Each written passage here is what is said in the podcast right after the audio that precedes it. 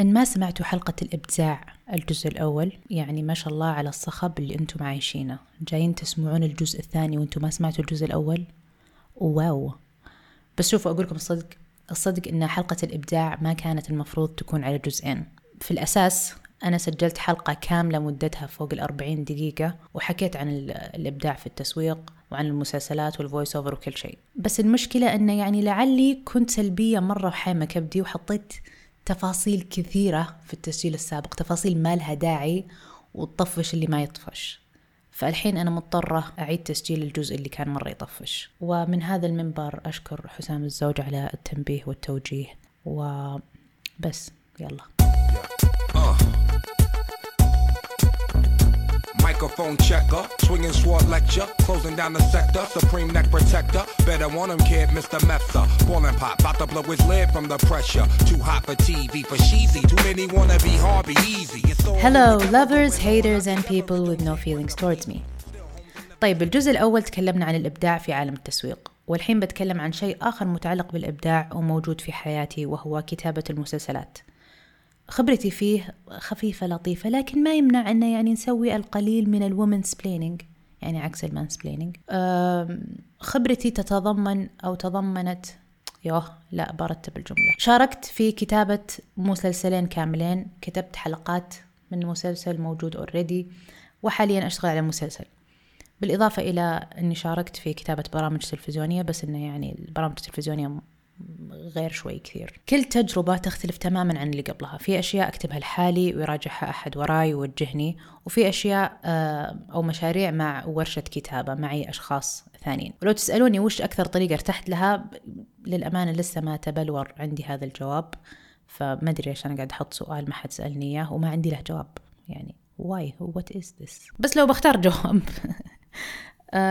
الكتابة مع نفسي تخليني أطلع الإبداع أكثر وأطلق العنان له أكثر من لما أكون مع group بس الضغط يكون عالي جدا وأحيانا كذا ودي أشاور أحد قدامي يعني يكون معي في المشروع. بينما العمل مع group كويس يمكن ما يخليني أطلق العنان لإبداعي لأني مع ناس وكل أحد يشارك وأنا يعني يبيلي شوي أفكر بهدوء قبل ما أشارك. بس ال group الكويس مرة يضيف لي طرق جديدة أفكر فيها وأستفيد صراحة من المداخلات وأتعلم من آه، خبراتهم. بس again هذا ال group الكويس خطين تحت الكويس. ال group اللي مو كويس ما راح نتكلم فيه عشان ما أصير سلبية مرة وأعيد تسجيل البودكاست كله زي المرة اللي فاتت. عندي سالفة جانبية بما أننا قاعدين نحكي عن ورش العمل. في مرة أنا كنت في comedy sketch workshop قدموها واحد وواحدة كانوا يكتبون في SNL الأجنبي الأمريكي. آه، هياط بسيط ما يضر. المهم عجبني أن أول ما بدينا الورشة قالوا بعض القوانين. أذكر واحدة من القوانين كانت أن الواحد ما يقاطع زميله الآخر. والقانون الثاني أو القاعدة الثانية أن لما الواحد يحكي عن سكتش أي سكتش لأي برنامج شهير مثلا خلينا نقول Key & Peele ما له داعي شخص آخر قاعد يقول إيه والله أعرفهم وشفت سكتشات ثانية رهيبة لهم هم أصلا ترى تدرون يعني يقلدون شوي The Chappelle Show؟ وكذا يفتح سالفة وبثارة. فالمقصود أنه لا تحاول تفرد عضلاتك وتضيع وقت الجميع في معلومات غير مهمة. إحنا كلنا دارين انك ثلة بس ما يهمنا انك تعرف فلان ولا شفت فلان ولا علان. إحنا جايين نتعلم فلا تقعد تشارك معلومات خنبوقية. فأنا أحس ودي تنطبق هذه القوانين في ورشة الكتابة بشكل عام. بالإضافة إلى قوانين أخرى because I'm so much fun. أنا أحب الرولز وال... والأشياء زين آه، القوانين الأخرى مثل احترام الوقت لأن أنت معك ناس ثانيين ووجودك مهم فلازم تجي على الوقت. الشيء الثاني عدم المجاملة. يعني لا تقول لأحد فكرتك حلوة وهو فكرته مخيسة. ولما تكون فكرة أحد مخيسة قول له ليش الفكرة مخيسة؟ مع أن أحيانا في أفكار مخيسة بدون سبب واضح. الشيء الأخير أنه ورشة الكتابة ليست مكان للشخصنة يعني خلاص خلينا كلنا كلنا نكون صريحين كلنا نبغى العمل يطلع بأفضل شكل فما يحتاج نصير زعولين وصيوحين. كتابة المسلسلات عملية طويلة جدا جدا جدا. ممكن تخليك تكره نفسك ستين ألف مليون مرة. لكنها مرة تطور من قدراتك في الكتابة والتصور البصري وسرد التفاصيل. وهي مو بزي الإعلان. الإعلان تقدر تخلصه في يوم أو خلال كم ساعة. كتابة المسلسل فيه بناء شخصيات بناء العالم والخرابيط كثيرة. ولما تجي تكتب مسلسل لازم يتحول إلى عادة يومية. مو بأنه يعني تاخذ راحتك في انتظار الشغف والإلهام لا. لازم تخصص وقت كتابة يوميا. وهذا أشوف إنه شيء مرة صعب بس إنه يعني ريوردينج في الأخير. طيب خلنا نقول إن أنت الحين تبغى تكتب مسلسل. الموضوع مو بس يعني تبدأ تكتب المشهد الأول يذهب خالد ويتبضع في أسواق أسواق في أسواق بنده. كتابة المسلسل أو الأعمال الطويلة مثل كتابة القصة أو الرواية. لازم لها هيكلة معينة تمشي عليها عشان تمشي قصتك صح. وأنا يعني ما راح أقدر أغير أه وأنا ما راح أقدر أغطي كل شيء في عالم المسلسلات. فبركز على الهيكلة لأن أحس إنه هو أهم شيء. كل مسلسل تشوفه له هيكلته الخاصة. في مثلا كتاب يقسمون الحلقة إلى 3 acts بداية وسط ونهاية. وهذه لها تفرعات. وفي طريقة أخرى للكتابة أو للهيكلة هي ال five beats وش هي ال five beats؟ تاخذ القصة القصة الواحدة أو الخط الواحد تحط فيه أول شيء عرض المشكلة بعدها تعقيد المشكلة رقم ثلاثة تصعيد المشكلة أربعة الذروة خمسة حل المشكلة. فأنت إذا اتبعت هذه الهيكلة هذه الهيكلة تساعدك في أن قصتك تكون مثيرة للاهتمام وفي أحداث تشد الواحد أنه يعني يشوف يكمل حلقة. يعني ما تصير كذا حلقتك نايمة كذا ما أدري كيف أنها كذا تمشي على وتيرة واحدة.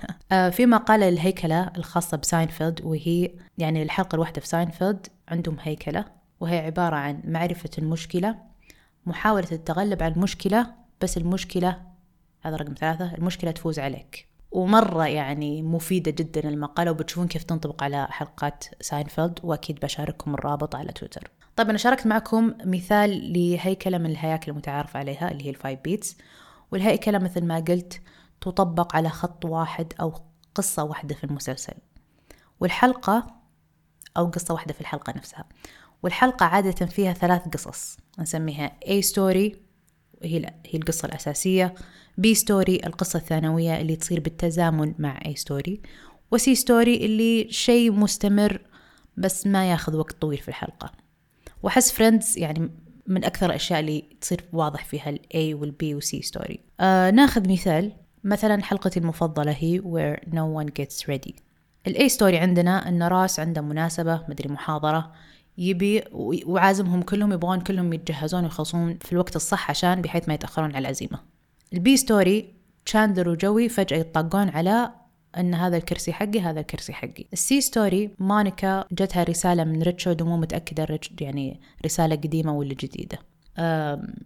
فإي فريندز مرة واضح فيها ال A وال B وال C story لأنها غالبا مقسمة على الشخصيات. نجي لطريقة الكتابة. في format معين في كتابة الحلقة أو ال outline الحلقة. وفي مواقع تقدر ترتب فيها الهيكلة بشكل زين.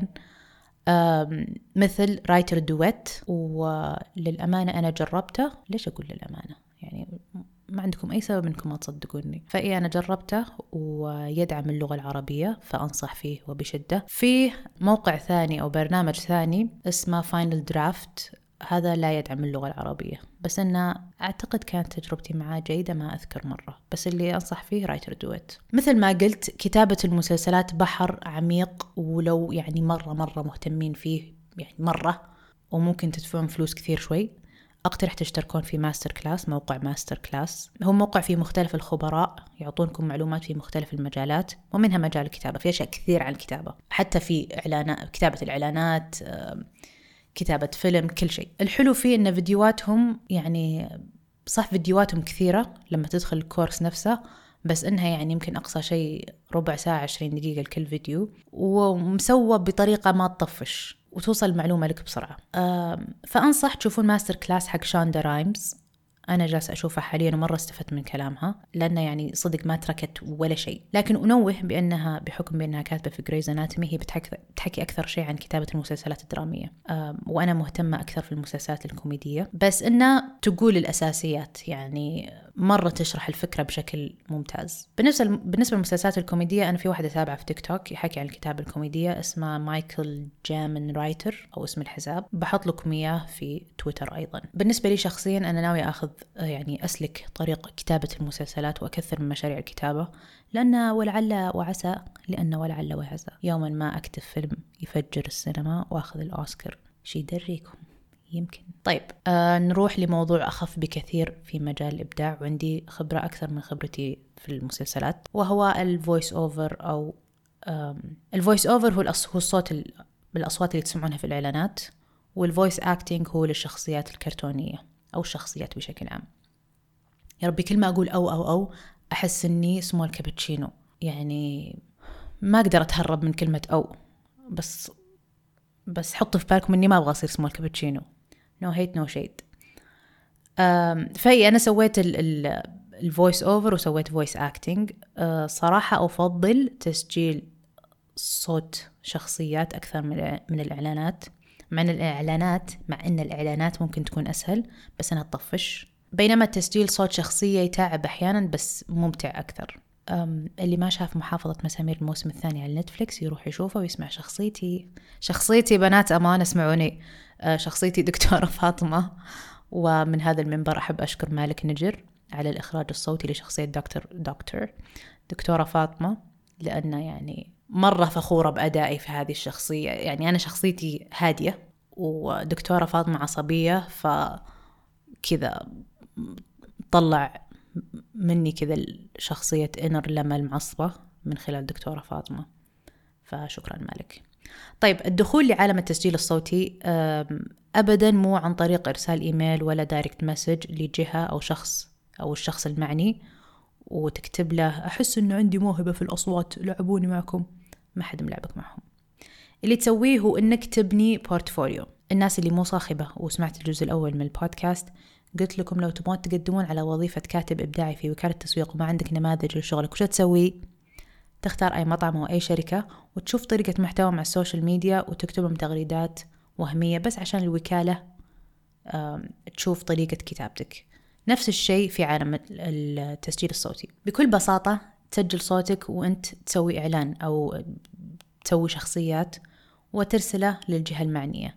وكل ما كان شكل الإيميل وطريقة التقديم professional كل ما كان أحسن.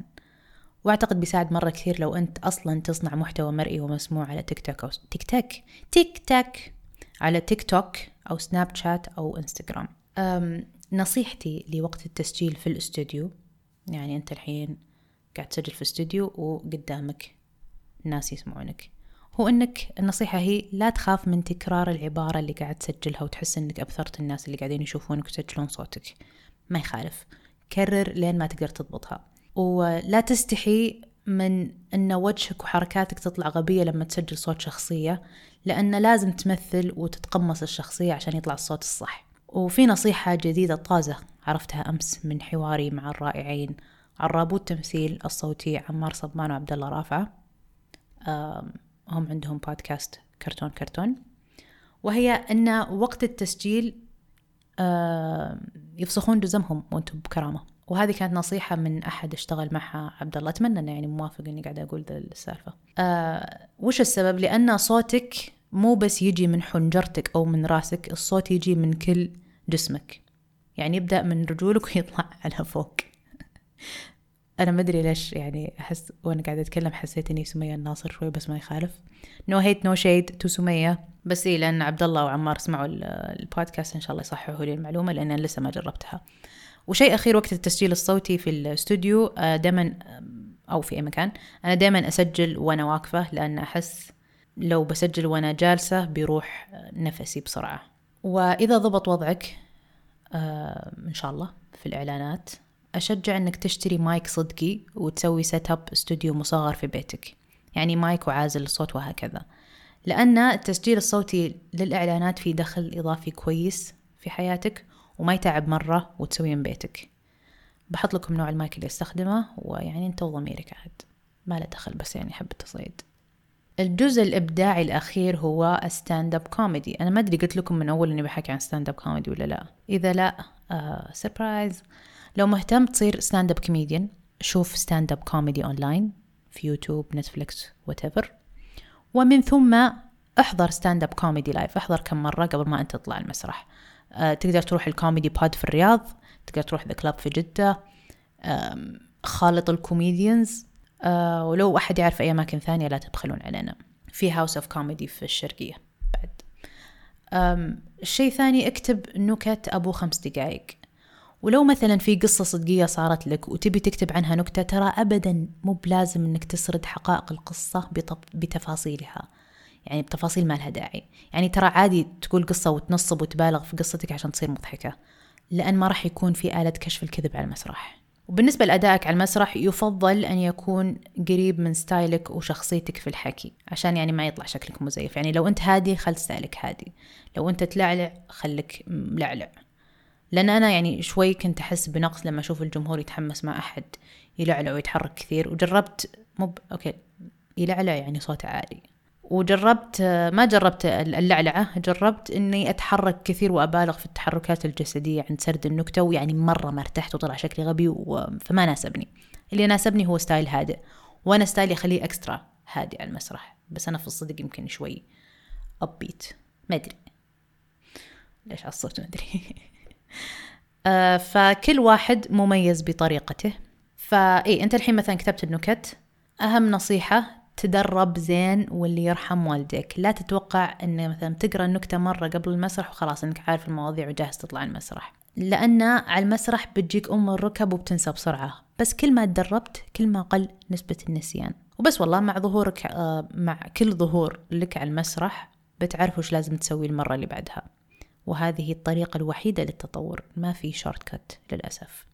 عندي رسائل عامة قبل ما أخلص الحلقة خاصة باللي موجودين من زمان في مجال الإبداع والمهتمين في الدخول آه، للمجال الإبداعي. أول آه، رسالة هي أن الإبداع يتسع للجميع آه، فأفرح للناجح والمنجز ويعني ما له داعي نشر الغيرة والكراهية. النقطة الثانية اطلب المساعدة من اللي عندهم خبرة. ويا الخبراء ساعدوهم. بس يعني لو أنت مثلا طلبت مساعدة وما حد ساعدك it's okay. كلنا مشغولين. فاللي يقدر يساعد ساعد لأنه يعني it's nice. فهمتوا كيف؟ okay هذه مو بأحسن نقطة مو بأحسن رسالة مكتوبة صح؟ بس معلش. الشيء الثالث إذا جاك عرض عمل على مشروع أو يعني ما شابه وما تقدر تسويه ارفض المشروع بكل لطافة. ولو في مجال رشح أسماء ناس ثانيين بديلين عنك لأنه ما راح ينقص منك شيء لو تدعم غيرك. وبس. وصلنا إلى الختام. لو عجبتكم الحلقة شاركوها مع الزملاء والزميلات. ولو ما عجبتكم أيضا شاركوها مع الزملاء والزميلات. وحشوا فيني بس يعني مو بابليك يعني بينكم في جروب الواتساب لأني صيوحة. صح إني ما أحب الزعولين بس إني زعولة. إيه إذا عندكم أي أي سؤال أو feedback سووا لي mention على تويتر at lama3an وش بعد؟ اي صح. روحوا شوفوني في التلفزيون. سويت عرض stand up على OSN+ الحلقة 12 من برنامج Stand Up يا عرب. وكل اللي تسوون إنكم تحملون التطبيق آه وتشتركون فيه. بس إن شاء الله إنه في free trial الموضوع مرة يعني لي الكثير لأن أول مرة أنشر أنشر عرض لي مع الملأ فيعني يمه شوي. وبس شوفوه ويلا مع السلامة.